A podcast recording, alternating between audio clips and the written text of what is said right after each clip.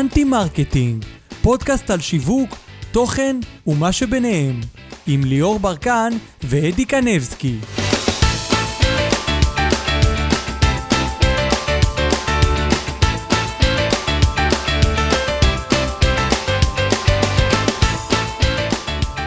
שלום לכולם וברוכים הבאים לפודקאסט אנטי מרקטינג, פודקאסט שעוסק בשיווק ובתוכן. לי קוראים אדי קנבסקי ואיתי מגיש את הפודקאסט הזה ליאור ברקן.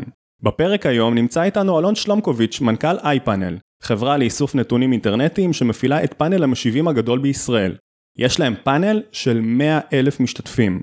בעברו אלון היה בצוות ההקמה של יחידת השירות בפפר של בנק לאומי, הוא כמנהל שירות לקוחות בקבוצת יפעת. וואי, איזה קורות חיים, אלון, מה קורה? אהלן, אהלן, מעניינים, בוקר טוב. כן, יש לי כמה דברים מאוד מעניינים בקורות חיים שלי. זה החלקים היבשים יותר. אוקיי, כן, אני רואה שכתבת לנו כאן בנקודות את הדברים היותר משעשעים בקורות חיים שלך. כן, אני אוהב להגיע קצת מוכן לדברים, אבל אה, כן, אז אהלן, אז נעים להכיר. אז בוא תספר לנו קצת על הדברים המשעשעים שכתבת לעצמך.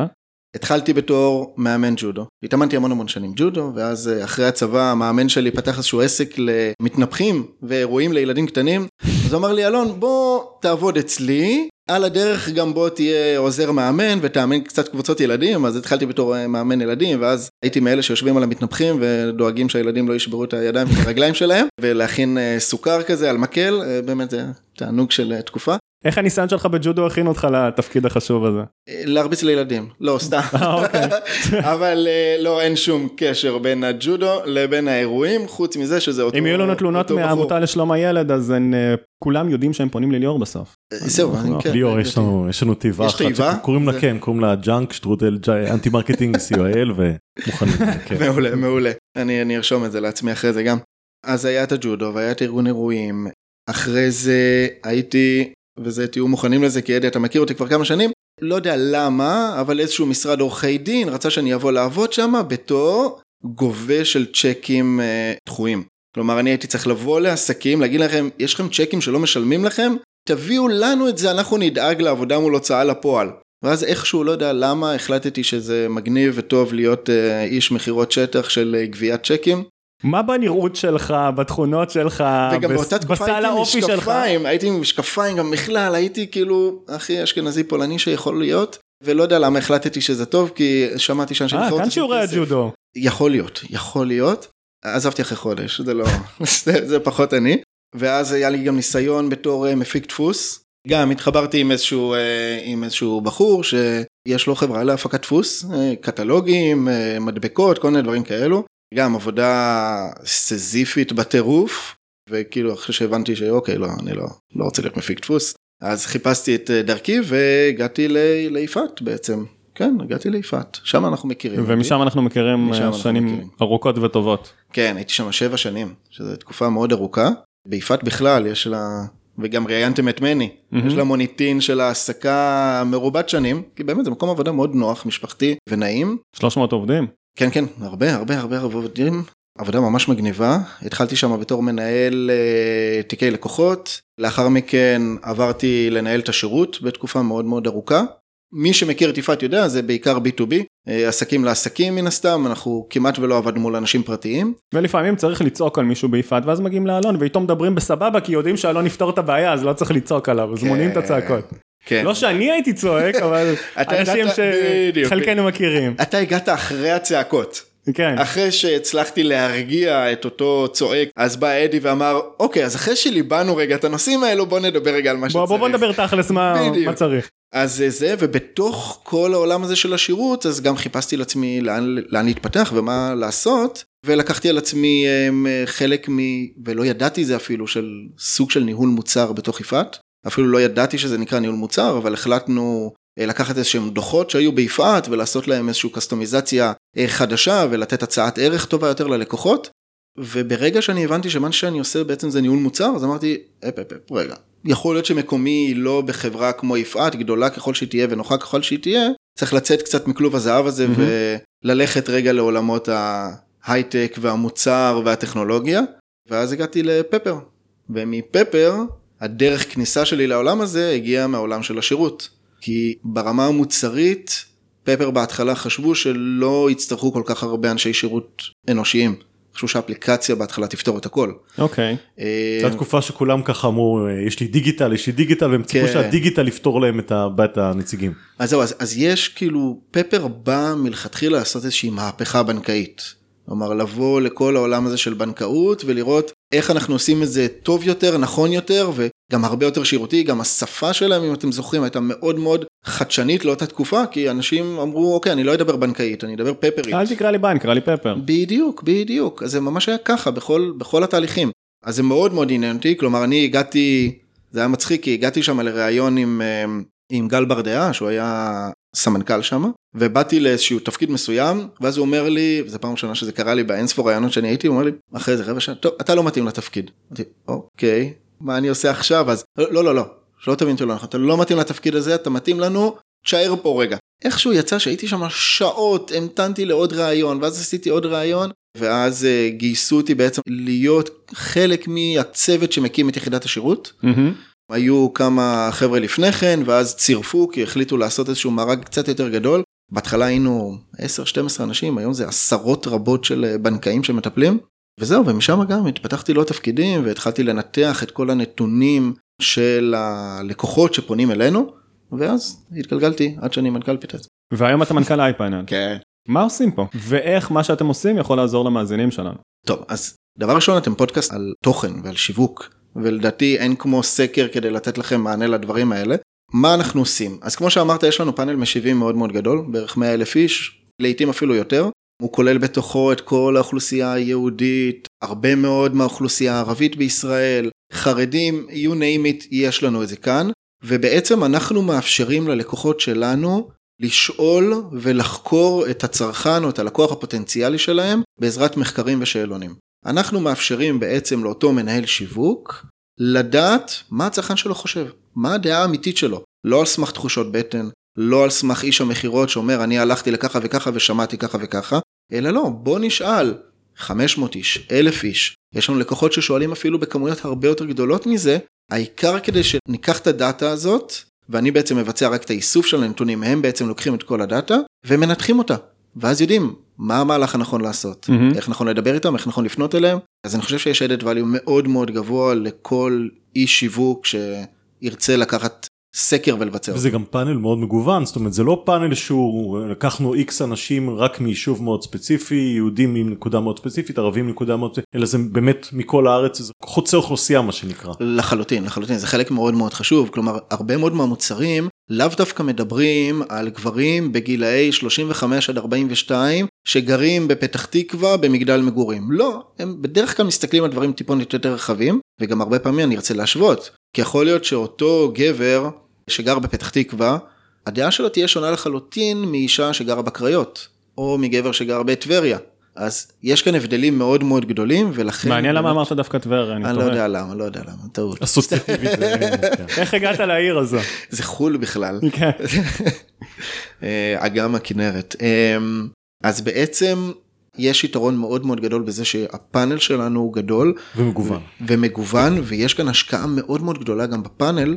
כלומר אני כל הזמן אומר שאנחנו מצד אחד יש לנו שתי זרועות כלומר מצד אחד אני מדבר עם לקוחות עסקיים בין אם זה מכוני מחקר אקדמיה או אנשי שיווק שרוצים לדגום אותנו ומצד שני אני חייב לדבר גם עם הפאנל ולנהל אותו כדי שהדאטה שאני מספק לאותם לקוחות יהיה איכותית.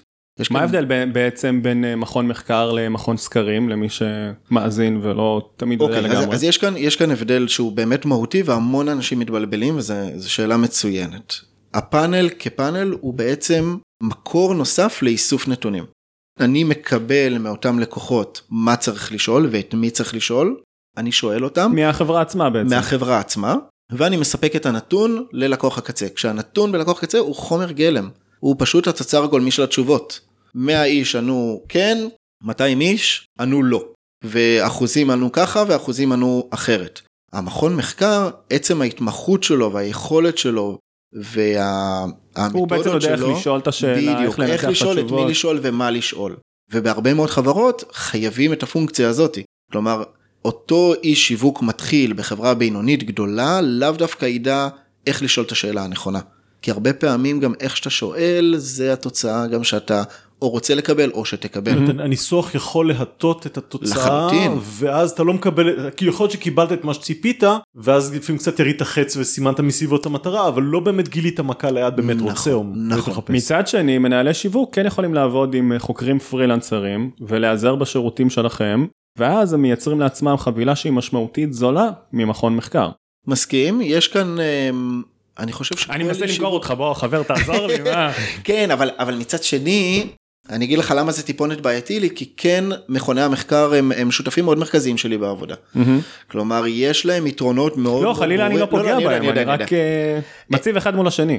יש המון המון אפשרויות כרגע בשוק, יש המון יוצאי מכוני מחקר שמוכרים את שירותיהם ביכולת הניסוח והניתוח של התכנים. יש מקומות שזה יתרון, יש מקומות שדווקא מחפשים את אותו גוף שיש לו גם את הידע ואת ההתמחות בתחומים מסוימים, בין אם זה לצורך העניין אה, שיתוף הפעולה שלנו עם מכון מדגם, שההתמחות שלו בין היתר היא גם פוליטית. אז אנשים שמתעסקים בפוליטיקה ירצו ללכת למכון מחקר מסוים. אנשים שרוצים לדבר על נושאים צרכניים יכולים לפנות למכון מחקר אחר ולדעת שיש מאחוריו כבר רזומה מאוד מאוד גדול של עבודה. אם זה פחות מעניין, אז כן, יש המון חוקרים יוצאי מכוני מחקר שמוכרים את שירותיהם. זה בהחלט אפשרי לעשות בנדלים כאלה. יש היום המון אינפורמציה, המון מידע והמון ידע. ולפעמים אנשים יודעים באיזה ידע להשתמש, ולפעמים הם לא יודעים להבדיל בין העיקר לבין הטפל. כל כמה זמן אתה כמנכ"ל של חברה כזו לדעתך החברה צריכה לעשות מחקר או סקר בתוך התחום שלה, ומתי יהיה כבר too much information בקטע של אוקיי די חבר'ה אנחנו לא יכולים לעשות סקר כל חודש או אחת לרבעון כי זה יותר מדי. איך אתה רואה את הנושא הזה? קשה לי לענות על השאלה הזאת כי למעשה זה לא תחום העיסוק שלי. ואני אוקיי. לא רוצה כרגע לבוא ואפילו ברמה מסוימת גם להטעות כי זו שאלה לאנשים שב- שמבצעים את העבודה הזאת. כלומר יכול להיות ארגון מסוים שמרגיש שכן לבצע סקר כל חודש על מותג מסוים הוא רלוונטי זה כמובן תלוי בהתאם לצרכים ובהתאם ללקוח יכול להיות שהוא מריץ כל חודש קמפיין והוא רוצה לראות אורי מה מידת השכירות של המותג שלי או מה רמת המודעות שלי ויש כאלו שאומרים אוקיי אחת לשנה אני רוצה לבדוק את התחום הזה ולראות מה גם המתחרים שלי ואיך הם חושבים עליי לעומת כל מה שנעשה בשוק. אה, אז קשה לי לתת לזה על תשובה מדויקת במיוחד מנקודת המבט שלי כי אני לא עוסק בזה ביום יום. אני בעצם עובד עם הלקוחות למתי שהם צריכים פחות מייעץ להם מתי לעשות את זה. אוקיי אז בוא נשאל אולי שאלה יותר רלוונטית. אה, הרוב, רוב האנשים יודעים שסקרים לא תמיד נכונים. הגישה היא שסקר הוא לא ב-100% יקלע לתוצאה. הוא לא יהיה תמיד בול, אתה תשאל משהו ותקבל תשובות לגמרי נכונות, כמו למשל סקר של בחירות שמעלים כמה שיותר צמוד ליום בחירות אז יודעים שהסקר הזה יכול להשתנות לחלוטין שבוע לאחר מכן נכון. ואז התוצאות יהיו שונות לחלוטין ואנשים באים ואומרים רגע אבל הסקרים האלה לא שווים כלום. אתם אמרתם שביבי הוא יהיה עם x מנדטים וכרגע הוא עם x פלוס 20 אחוז אז מה, אז מה בעצם הסקר שלכם שווה? מה אני בא לשאול אותך?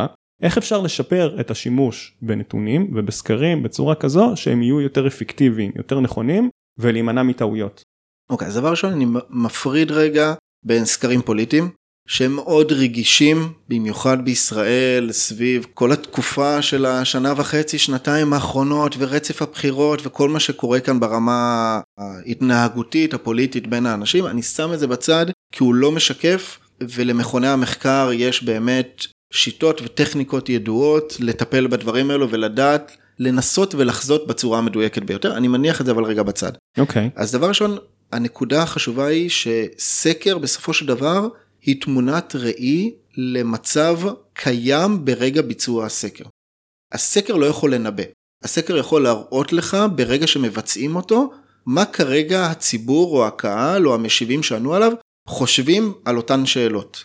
אז בגלל זה זה להיות- בחרת בעצם לשים את הפוליטיקה בצד כי זה מאוד רגיש ובהתאם לקמפיין. כל, כל יום משהו משתנה אז שם. בוא, אז בוא נלך לאיזושהי חברה שמוכרת מוצר צריכה פשוט כמו משחת שיניים מהמם. ואתה עושה סקר על כמה פעמים אנשים מצחצחים שיניים ביום אני מקווה שלפחות פעמיים והאם חשוב להם הטעם של המשחה או עד כמה היא נשארת שעות לאחר מכן כל מיני שאלות כאלה אז בסקר מהסוג הזה מאילו טעויות כדאי להימנע אני חושב שהשאלה, שוב, השאלה היא פחות, היא פחות בשלב של האיסוף, שזה מה שאני עושה, היא בשלב של, ה, של הניסוח. אוקיי כלומר, ברגע שהלקוח לא יהיה מוטה במה שהוא מחפש, השאלון יהיה יותר מוצלח. כלומר, אם הוא ינסח את השאלות בהתאם לתוצאה אותה הוא מחפש לקבל, סביר להניח שהתוצאות יהיו כאלה.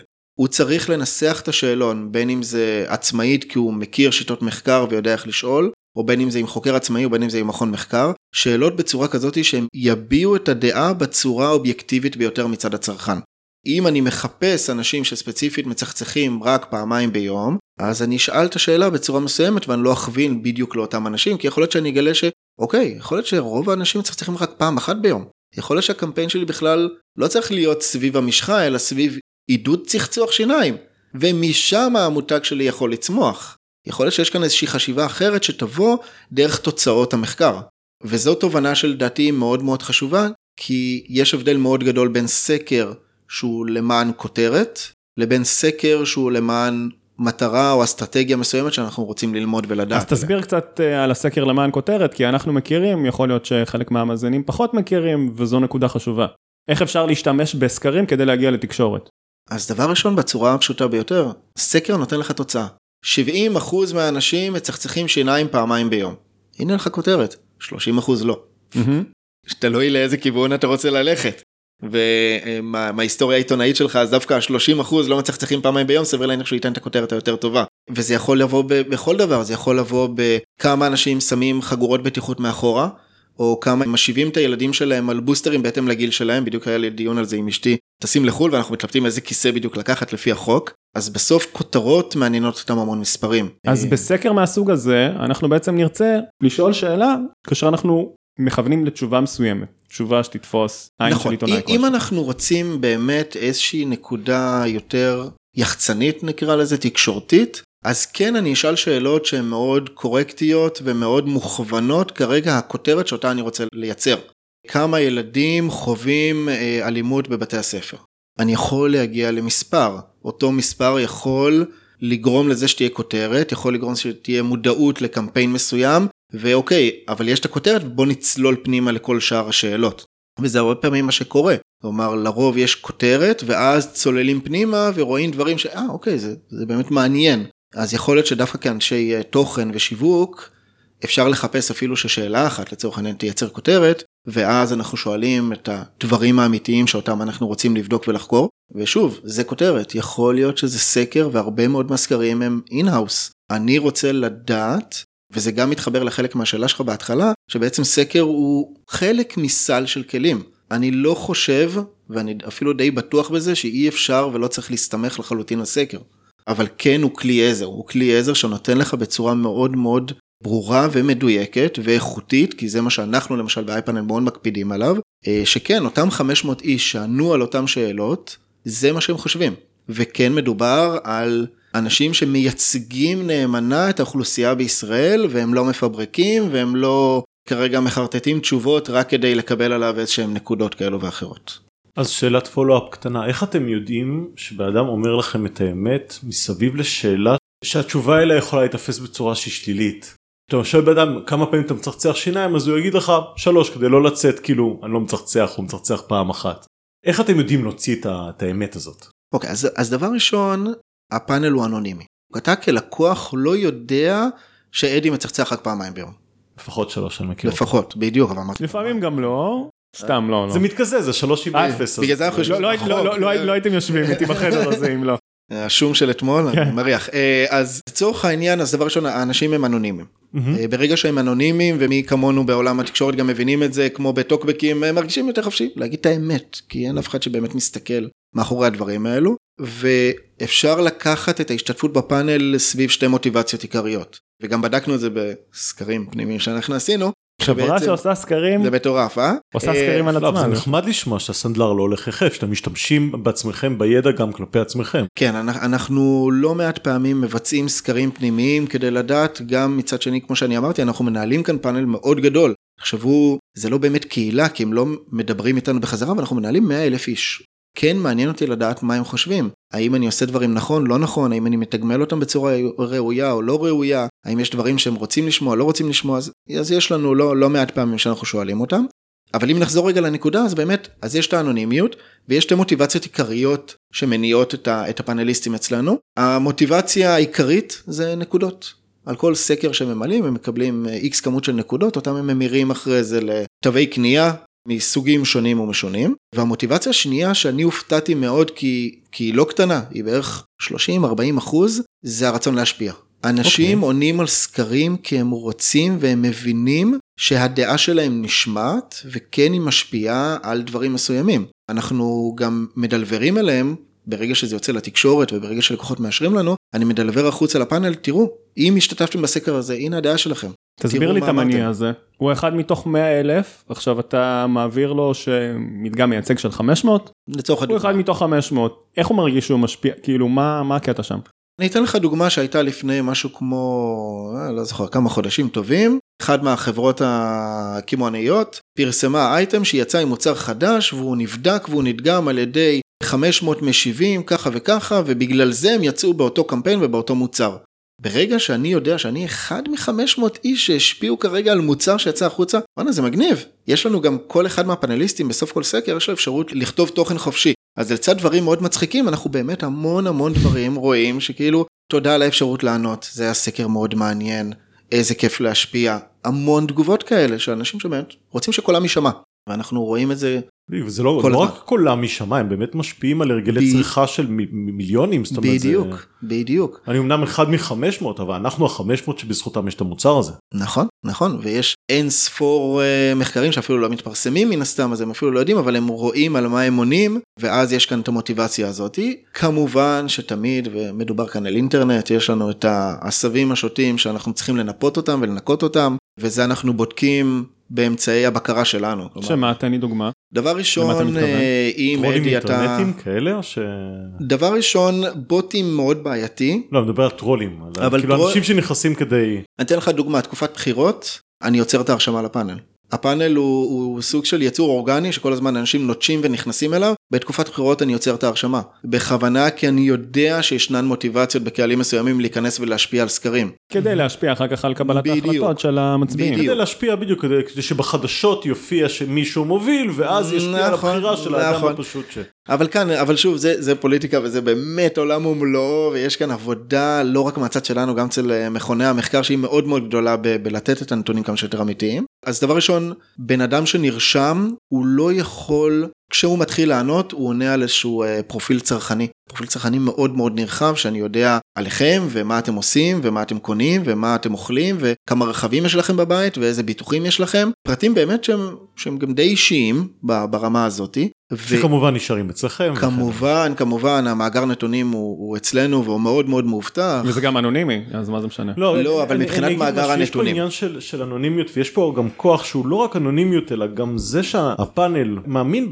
באייפאנל. כחברה נכון. שבאמת תשמור על הפרטים שלו כאנונימיים והאמון הזה מחזק רק את הרצון שלהם להשתתף ולהיות עוד חלק. לחלוטין. וזה עוד איזה נדבך שלם. ביום שאני או ביום שפאנליסט יקבל פנייה מחברה מסחרית שהוא ביצע עליה סקר והוא יבין שאוקיי רגע מי שכר במידע שלי מי שכר בפרטים שלי.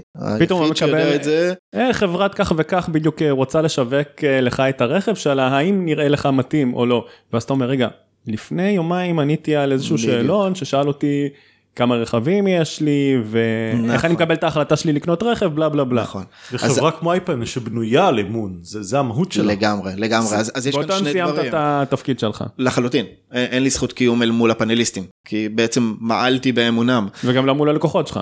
נכון נכון מול הלקוחות הם, הם הסתכלו עליי כאל ספק דאטה חד פעמי של פרטים אישיים וזהו קניתי ממנו את הדאטה וזה מה שמעניין אותי אז יש שני דברים דבר ראשון אני מונע מלקוחות להעלות שאלונים שבהם הם מבקשים הפאנליסטים בואו תשאירו פרטים כדי שאנחנו נציע לכם מבצעים אני לא מאפשר כאלו uh, סקרים mm-hmm. בכלל סקרים שיווקיים אני לא מאשר אותם.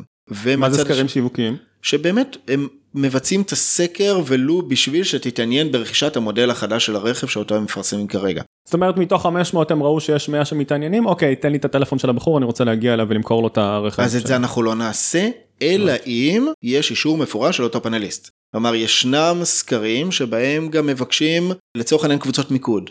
אוקיי אני רוצה כרגע לראיין 500 איש אבל יש כאן עשרה אנשים שענו לי על טייפקאסט מאוד מאוד מסוים אותם אני רוצה לשאול אני אבנה את השאלון בתצורה כזאת שאם עברת את כל המסלול ואתה אחד מאותם עשרה אנשים, בסוף השאלון אני אשאל אותך שאלה, אותו לקוח XYZ מעוניין גם לפגוש אתכם אה, רגע, פיזית רגע, או אתה- בזום. אתה- אתה עושה קבוצת מיקוד אינטרנטית? לרוב זה לא אינטרנטי, זה יהיה שבו הלקוח מזמין את הפאנליסט אליו אה, לאי אוקיי. אלו קבוצות כמו שיש מיקוד קבוצות כאלה. מיקוד, הוא פשוט מזמין אותו נכון. אליו פיזית. נכון, אני מעדיף, ואתה נותן לפאנליסט את האופציה לכתוב האם הוא יגיע לשם מהאנונימיות. או לא יגיע לשם. הוא היחיד שייתן לי את האישור האם להוציא אותו מהאנונימיות כן או לא. האם אתה מעוניין להשתתף בזה? אם כן, תן את הפרטים שלך והחברה תיצור איתך קשר. שזה מאוד חשוב. בדיוק. אני לא עושה שום דבר בשם הלקוח כדי להוציא אותו מהאנונימיות, ובכלל, כל מידע גולמי שיוצא כרגע ללקוחות שמעוניינים, הם מקבלים מספרי ID.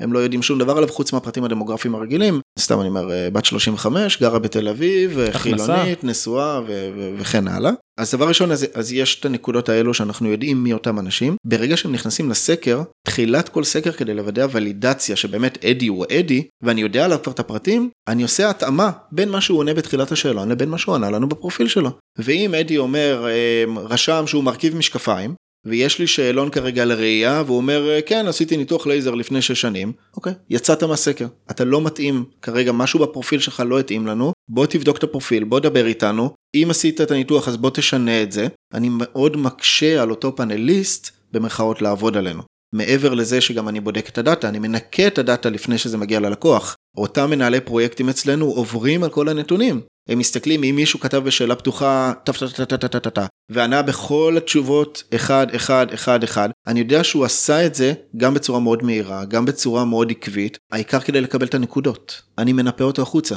ולא רק שאני מנפה אותו החוצה הוא גם מקבל אזהרה אחרי שתי אזהרות בפעם השלישית הוא מקבל אזהרה אחרונה ויוצא מהפאנל אני ממש מנסה לשמור ככל הניתן על איכות הפאנל כי בסופו של דבר אני יודע שהדאטה שלי משמשת את הלקוחות כדי לבצע מהלכים. נכון? איכות הדאט- הדאטה זה בדיוק. ניקיון הנתונים, זה... אם הדאטה לא תהיה איכותית, המהלך לא יהיה מדויק. אם המהלך לא יהיה מדויק, אז חטאתי לתפקידי. מעניין, מעניין מאוד. בייחוד המהלכים שאתם עושים כדי לשמור על הפאנליסטים שלכם, מה שנקרא פאנליסטים איכותיים. כן, חלק מהדברים, אנחנו למעשה חברים באיגוד מכוני המחקר העולמי שנקרא ESOMAR. עכשיו, זה איגוד של מכוני מחקר, מה הקשר בין פאנל אינטרנטי למכוני מחקר? אז הוא יצא לפני כמה שנים באיזשהם guidelines של אה, פאנלים אינטרנטיים, ואיך נכון למכוני מחקר לשמור על עבודה מול פאנל אינטרנטי בצורה הנכונה ביותר, ואנחנו מאוד מקפידים על זה. כמות סקרים שאני מוציא לפאנליסט בממוצע פר חודש כדי שהוא לא יהפוך להיות מה שאנחנו קוראים לו אצלנו פאנליסט מקצועי, שיודע מה לענות כדי לסיים את הסקר, כמות התחלופה והרענון מחדש והבנייה מחדש של הפאנל. איך אתה מזהה את ההוא שכבר יודע איך לעבוד עליך במרכאות? מה שכרגע קראת לו נכון? מה, הפאנליסט המקצועי? כן. זה נראה לי קצת יותר קשה זה לזהות. קצת יותר tricky. כלומר, אם הוא מצליח לעבור את כל מערכי הבקרה אצלנו, זה פאנל אינטרנטי. לפעמים באינטרנט אה, יש דברים שכן הם גליצ'ים מסוימים, מה שאתה מספר, לפי מה שאתה מספר זה בודדים. זה לגמרי בודדים. לא. ספורים עד בכלל, ואז ההשפעה שלהם בתוך סקר היא מאוד מאוד זניחה. היא מאוד בקצה, או שהיא מאוד מיינסטרימית, או שהיא מאוד בקצה, אבל היא לא, היא לא רלוונטית והיא לא משפיעה על המהלכים. כלומר, אם מישהו באמת חומק מהמלקחיים שלנו, אז שיבושם לו, אבל זה משהו שאנחנו לוקחים אותו בחשבון. סבבה, הוא יקבל טוסטר אחת יש פה לרבעון. סטיית תקן שהיא מאוד שולית, זה לא כן, איזה משהו כן. שהוא... אה, כן. תגיד, יש לכם איזה מוצר שהשקתם לאחרונה של עשה זאת בעצמך. נכון. ספר לנו קצת על המוצר הזה, וגם תגיד לנו למי הוא מתאים, וגם למי הוא לא מתאים. אוקיי, אז אנחנו מאוד גאים בו. זה מוצר שאנחנו השקנו לפני מספר חודשים, אה, שבאמת כמו שאמרת אדי, קוראים לזה בעצם אה, iPanel DIY, אה, ממש יצאנו כאן במהלך שיווקי חסר תקדים בקופי, שזה בעצם do it yourself של סקרים. יצא לי להיפגש ולדבר עם הרבה מאוד לקוחות, במיוחד בעולמות של שיווק, של פרסום, של יחסי ציבור, שמה שמעניין אותם זה לבצע סקרים קצרים, מהירים, יעילים, ומתוך ההבנה שלא תמיד צריך את מכון המחקר. אם אני עכשיו רוצה, ואני אתן לדוגמה, אני רוצה להשיק איזשהו יין חדש ואני אה, מתחבט בין אה, שתי סוגים של אריזות או שלושה סוגים של אה, נראות של איך הבקבוק צריך להיות ואיך התוויות צריכות להיות מעוצבות. אני לא באמת צריך כאן כרגע איזשהו מכון מחקר, בוא נשים את שלושת התמונות האלה ובוא ניתן למשיבים ולאותו קהל מייצג של שותה יין לפחות פעם בשבוע להגיד לי מה הם היו קונים יותר, מה נותן להם תחושה יותר ישראלית, יותר מקומית. אה, בוא נבדוק את זה. עכשיו זה סקר שאם אני מעלה אותו ב-do it yourself תוך פחות מיום עסקים אחד כבר יש לך תוצאות ביד. אני יודע שעטיפה א' 60% מהאנשים יהיו מוכנים לרכוש אותה לעומת שני העטיפות האחרות. מדהים, הנה. אז אם התלבטתי, הקשבתי לצרכנים שלי, ספציפית באמת אותם אנשים ששותים גם יין, יש לי תשובה. מדהים, כי בחלק מהחברות אומרים, טוב, בוא נתייעץ עם המנכ"ל, בוא נתייעץ עם הסגן שלו, בוא נתייעץ עם המזכירה של המנכ"ל, כי היא קובעת, אז כדאי לנו הוא להישאר ישאל גם את בכושר ה- טוב את. הילד שלו שטיפה שותה יין וזהו יש לנו את כל המידע. ואז אומרים, טוב סבבה, אז הילד הציע אופציה ב', אבל המזכירה הציעה אופציה א', אני יותר אתמוך במזכירה, כי אם למחרת אני אצטרך אותה, אז יאללה בוא נראה. ואז אומרים לה, שולחים לה מייל לכולם, הנה, בחרנו את הזה וזה, ואז באים אליה פיזית, אומרים לה, תשמעי, האופציה שלך נבחרה, בלה כן. בלה בלה. קחי את הבקבוק. כן, בדיוק, קחי את הבקבוק, קחי את מרגישה גאווה הארגז. מאוד גדולה אבל מעבר לזה זה לא באמת ואז הם יוצאים הקמפיין ו- ופחות אנשים קונים. נכון, וגם לא יודעים למה, בדיוק. אז בעצם, שוב, כמו שאני חוזר לאחרוני, זה, זה אחד ממיני הכלים, מן הסתם לא הייתי מסתמך לחלוטין רק על הסקר, אבל כן זה, אם אנחנו הגענו למצב שיש לנו אפשרות אחת, שתיים, שלוש, ואני רוצה לדעת מה מהן היא באמת הנכונה ביותר, אין כמו סקר כדי לבדוק את הדבר הזה בצורה האובייקטיבית ביותר, כי באמת אני יודע לטרגט את אותן אוכלוסיות, אני לא שואל עכשיו, יורד מתחת לבניין, מחזיק את הבקבוק, ואוקיי, תגידו לי מה אתם חושבים. יכול להיות שהם בכלל לא שותים יין, יכול להיות שהם הם לא אוהבים את זה, יכול להיות שזה לא רלוונטי אליהם. זה לא השעה הנכונה, בדיוק. אתה הלכת לצד הלא נכון של הבניין ופגשת את אלה שלא שותים אה, יין אה, מסוג של אז- א'. אז, ה- אז המוצר הזה של ה-DIY הוא בדיוק בשביל הדברים האלו. כלומר, אנחנו עשינו מערכת שלדעתי היא מאוד מאוד פשוטה להבנה, והיא מאוד בסיסית גם למי שלא עוסק בסקרים ביום יום. חילקנו את הסקר לפשוט שלושה שלבים של כותרת, מה אני דוגם ומה אני שואל. זהו, אלה השלבים של הסקר.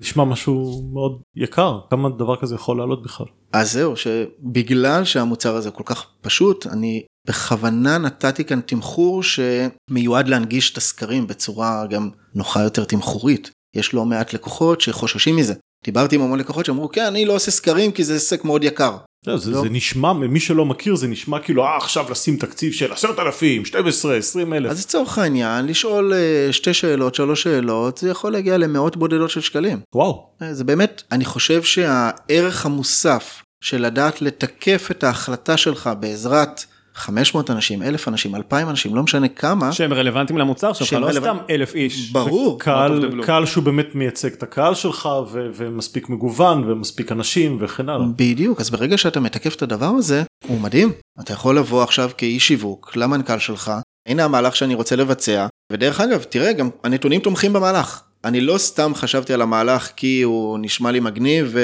ולא משנה, משרד הפרסום, או אנשי השיווק, או אנשי היח"צ אמרו לי צריך לצאת עם זה, אלא לקחתי את מה שהם הציעו לי ובדקתי את זה.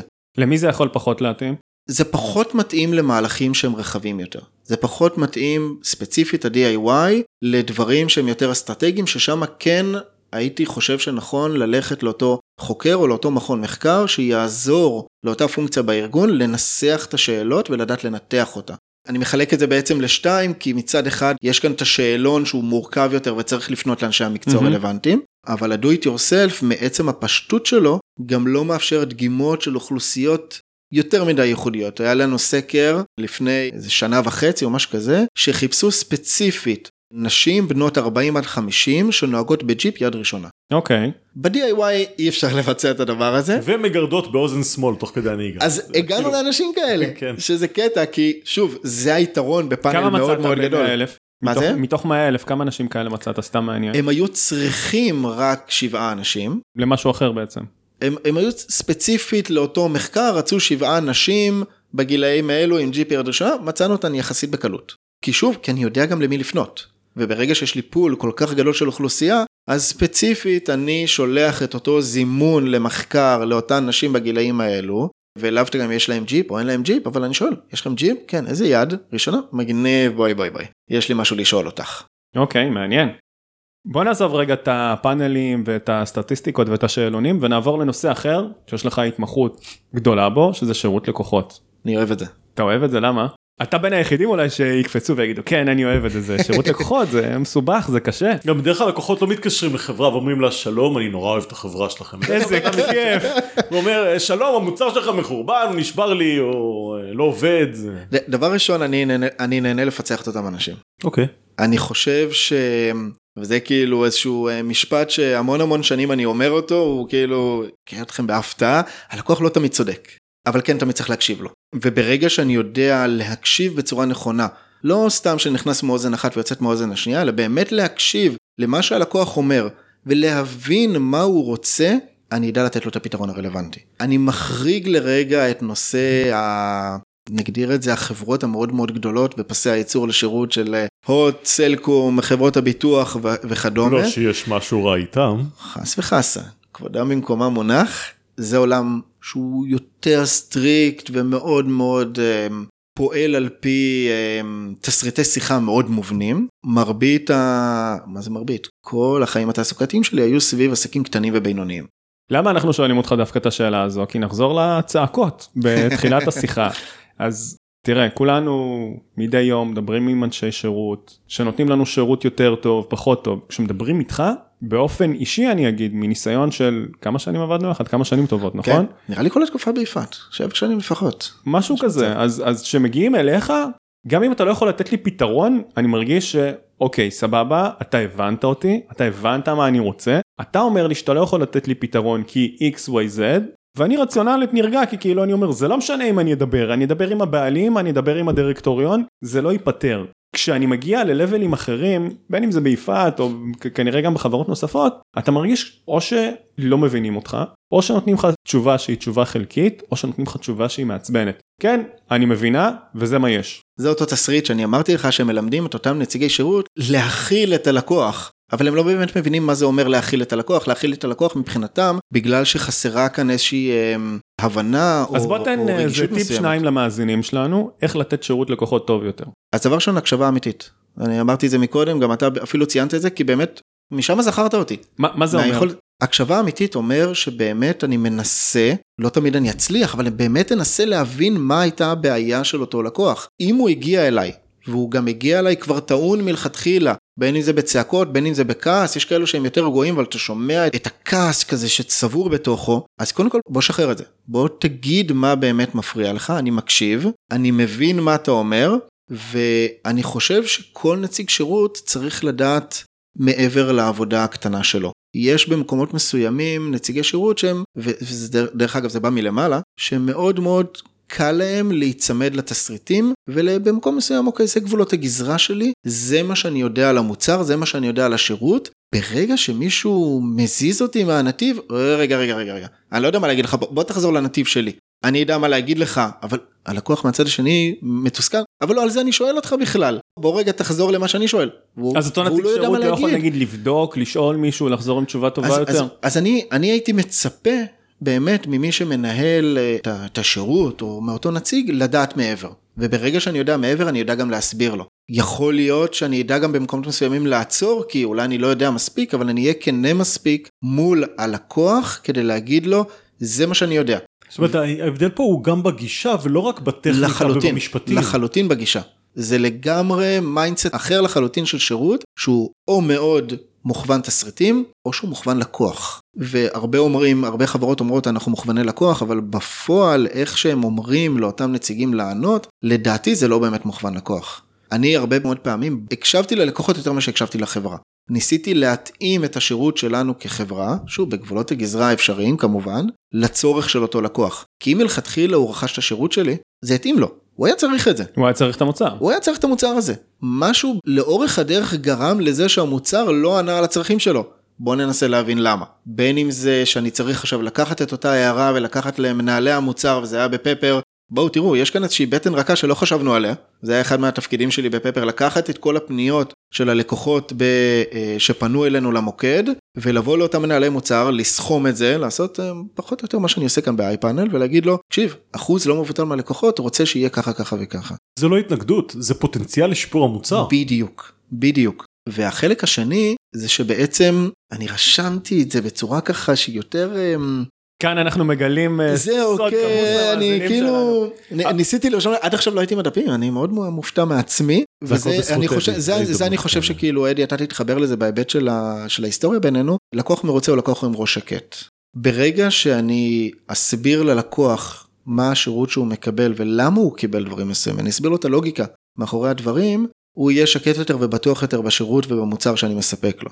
רגע, לפעמים לקוח לא מגיע אליך לוגית. אני מגיע אליך לוגית, סבבה? אוקיי. לקוחות אחרים לפעמים לא מגיעים אליך בצורה לוגית הם מגיעים אליך טעונים הם מדברים איתך מהבטן הם צועקים עליך צורכים עליך איך אתה מתמודד עם זה אתה לא יכול להגיד לו טוב 1 פלוס 1 שווה 2 ואז הוא מתחרפן אליך עוד יותר נכון, מה, מה אתה נכון, עושה עם נכון. לקוח כזה אז אני חושב שזה... כי דבר- במקרה שמעתי אותך מטפל גם בלקוחות כאלה במקרה, במקרה. כן, היו, היו לא מעט. איכשהו זה תמיד יצא, דרך אגב, לא גם ביפעת, גם בפפר יצא שאני מתעסק עם לקוחות כאלה. ו... כי אתה יודע לטפל בהם אז אומרים טוב אלון כן. גש שלום אני חושב שזה גישה. אני חושב שזה גישה ברגע מה ש- זה אומר אני עכשיו מתחיל לצרוח עליך מה אתה עושה אני לא יודע אף פעם לא צעקתי עליך לכן אני עושה את ה...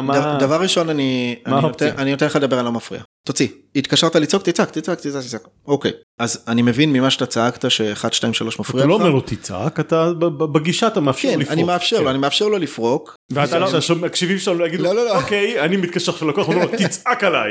לא, ואז לא- שם את הטלפון בצד צועק צועק הוא מפסיק לצעוק אני מתחיל לא, אוקיי עכשיו אתה רוצה לדבר אז זהו, אז אז יש הרבה כי כאלה זה עוד שזה מה יותר שהם עושים. מעצבן זה ה- זה פעם אחת עשו לי וזה עוד יותר זה מעצבן. מטריף, זה מטריף, זה כאילו מוסיף עוד שמן למדורה. יענו לא הקשבת לי עד עכשיו בדיוק. עכשיו סיימת לצעוק בוא נדבר. אז מה שאני עושה בדרך כלל בשיחות כאלו מורכבות, אני רושם לעצמי בצד. אני תמיד עם איזשהו, אני יודע, בין אם זה שיחה שהיא נכנסת שהיא כזאת טעונה, או בין אם זה אני יודע שאני כרגע צריך לדבר עם לקוח שהוא בעל אמוציות כרגע ומטען מאוד גדול, אני רושם לעצמי בצד בדיוק מה הנקודות שהוא אומר.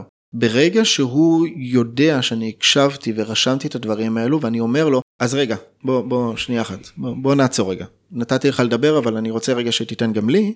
דיברנו והעלית שיש לך 1, 2, 3, 4. כן, כן, וככה וככה, ואז אני נותן לו עוד פעם, כי כנראה יש עדיין עוד איזשהו משהו שהוא רוצה לפרוק. לא יודע, מהניסיון שלי יוצא שברגע שאנשים סיימו, אפשר להתחיל לדבר. ברגע שאפשר להתחיל לדבר, אז אפשר לנסות ולפרק את אותה בעיה, את אותה התנגדות שנוצרה בשירות או במוצר שאתה מכרת. והאם הייתה בכלל בעיה כי יכול להיות שהייתה איזו תקלה קטנה לחלוטין. בשירות מצידנו אנחנו נתקן אותה תוך ארבע שניות קבל מוצר הרבה יותר בדיוק, טוב. קודם בדיוק. כל אתה משקף להם שאתה הקשבת להם, אתה מראה להם שאתה הבנת מה הם אומרים, לא שמת בצד, נתת להם לאוורר ואז. אתה הקשבת להם, שיקפת אותם, אתה איתם, עכשיו אתה מקשיב כן, אני, אני חושב שכל שהיא- אחד מאיתנו שדיבר עם אחד ממוקדי השירות יודע מתי מקשיבים לו מתי לא. נכון. אין אפס. כאילו אם אני יודע שכרגע הייתה לי תלונה ואמרו לי, טוב אבל זה המצב.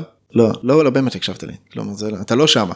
אנחנו יודעים להבין ואז את מהר זה, מאוד וגם- מגיע המשפט הבא של טוב תן לי לדבר עם האחראי עליך ואז אומרים לך משהו בסגנון של אחראי כרגע לא נמצא הוא יכול לחזור אליך בעוד אה, אנה ערף מתישהו שזה כבר לא יהיה רלוונטי. נכון. אז אתה אומר טוב לא חשוב אני אחפש את הרגע המתאים ביותר כדי לעבור חברה ואז כבר מגיעים לשימור לקוחות ובלה בלה בלה אבל אני, ומסתבכים. אני חושב שבאמת אבל רוב הדוגמאות שאנחנו חושבים עליהן ומדמיינים אותן הם בעולמות תוכן של המוקדים הגדולים. בוא בוא נלך רגע על קטנים קניתי אה, רכב חדש לפני אה, כמה חודשים טובים. ואוקיי דיברתי איתם יום יומיים לאחר מכן אה, גיליתי איזשהו רעש לא רצוי באוטו. אה, בפועל זה לא היה כלום אבל התקשרתי אליהם. טוב אבל כבר רכשת אה, תלך לככה וככה. אמרתי רגע אבל אני רוצה רגע לשאול מה אז אני יוצא מנקודת הנחה, אני יוצא מנקודת הנחה שהלקוח יודע את מה שאני יודע, והוא מדבר בשפה שלי, והרבה פעמים לא, הלקוח אולי פעם אחת פנה למוקד הזה, ולא מעניין אותו לדעת עכשיו סוגים שונים של אחראויות או, או טיפולים שצריך לעשות לאותו רכב.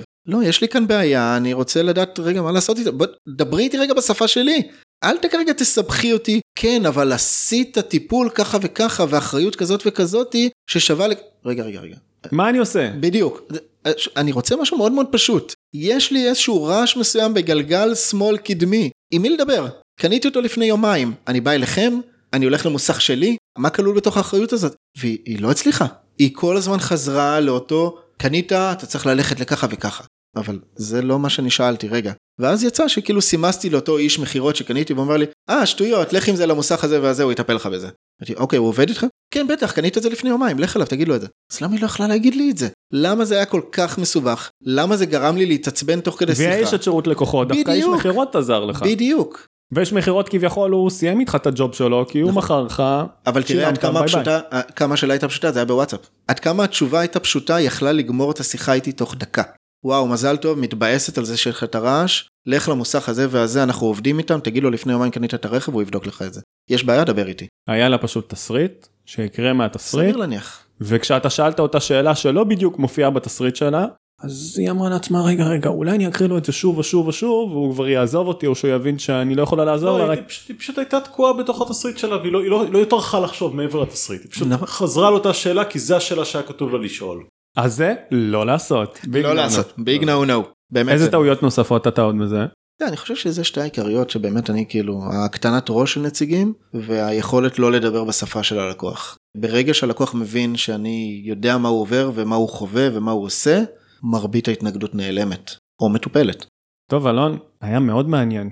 ליאור, יש לך איזה שאלות להוסיף? לא זה היה מרתק למרות שאני אני מאוד נזהר לא להוסיף פה שאלות כרגע כי תמיד בשלב הסיכום תמיד עולות עוד שאלות ואז זה יכול להיפתח לנצח עוד שיחה שלמה המטרה של סיכום זה לסכם אז קודם כל היה היה מרתק ומעבר לזה שהיה מרתק אני מרגיש שיש פה עוד גם המון ללמוד ממך ואפשר גם להתעמק. כל דבר פה פותח עוד שאלה עוד שאלה על השירות עוד שאלה על פפר שזה בכלל אה, עולם שלם וזה משהו ש, שנבנה והיה מאוד חדשני באותה נקודה נכון. ועדיין ושלא לדבר בכלל על, אה, על איפאנל שהיא חברה מרתקת בכלל עבודה עם סקרים אפשר עוד להרחיב על זה לנצח אז אנחנו אנחנו נסיים פה להיום רק שאולי ננצל את ההזדמנות לבקש ממך לחזור לפה בהמשך באחד הפרקים ולהרחיב על. אחד הנושאים האלה. בשמחה רבה.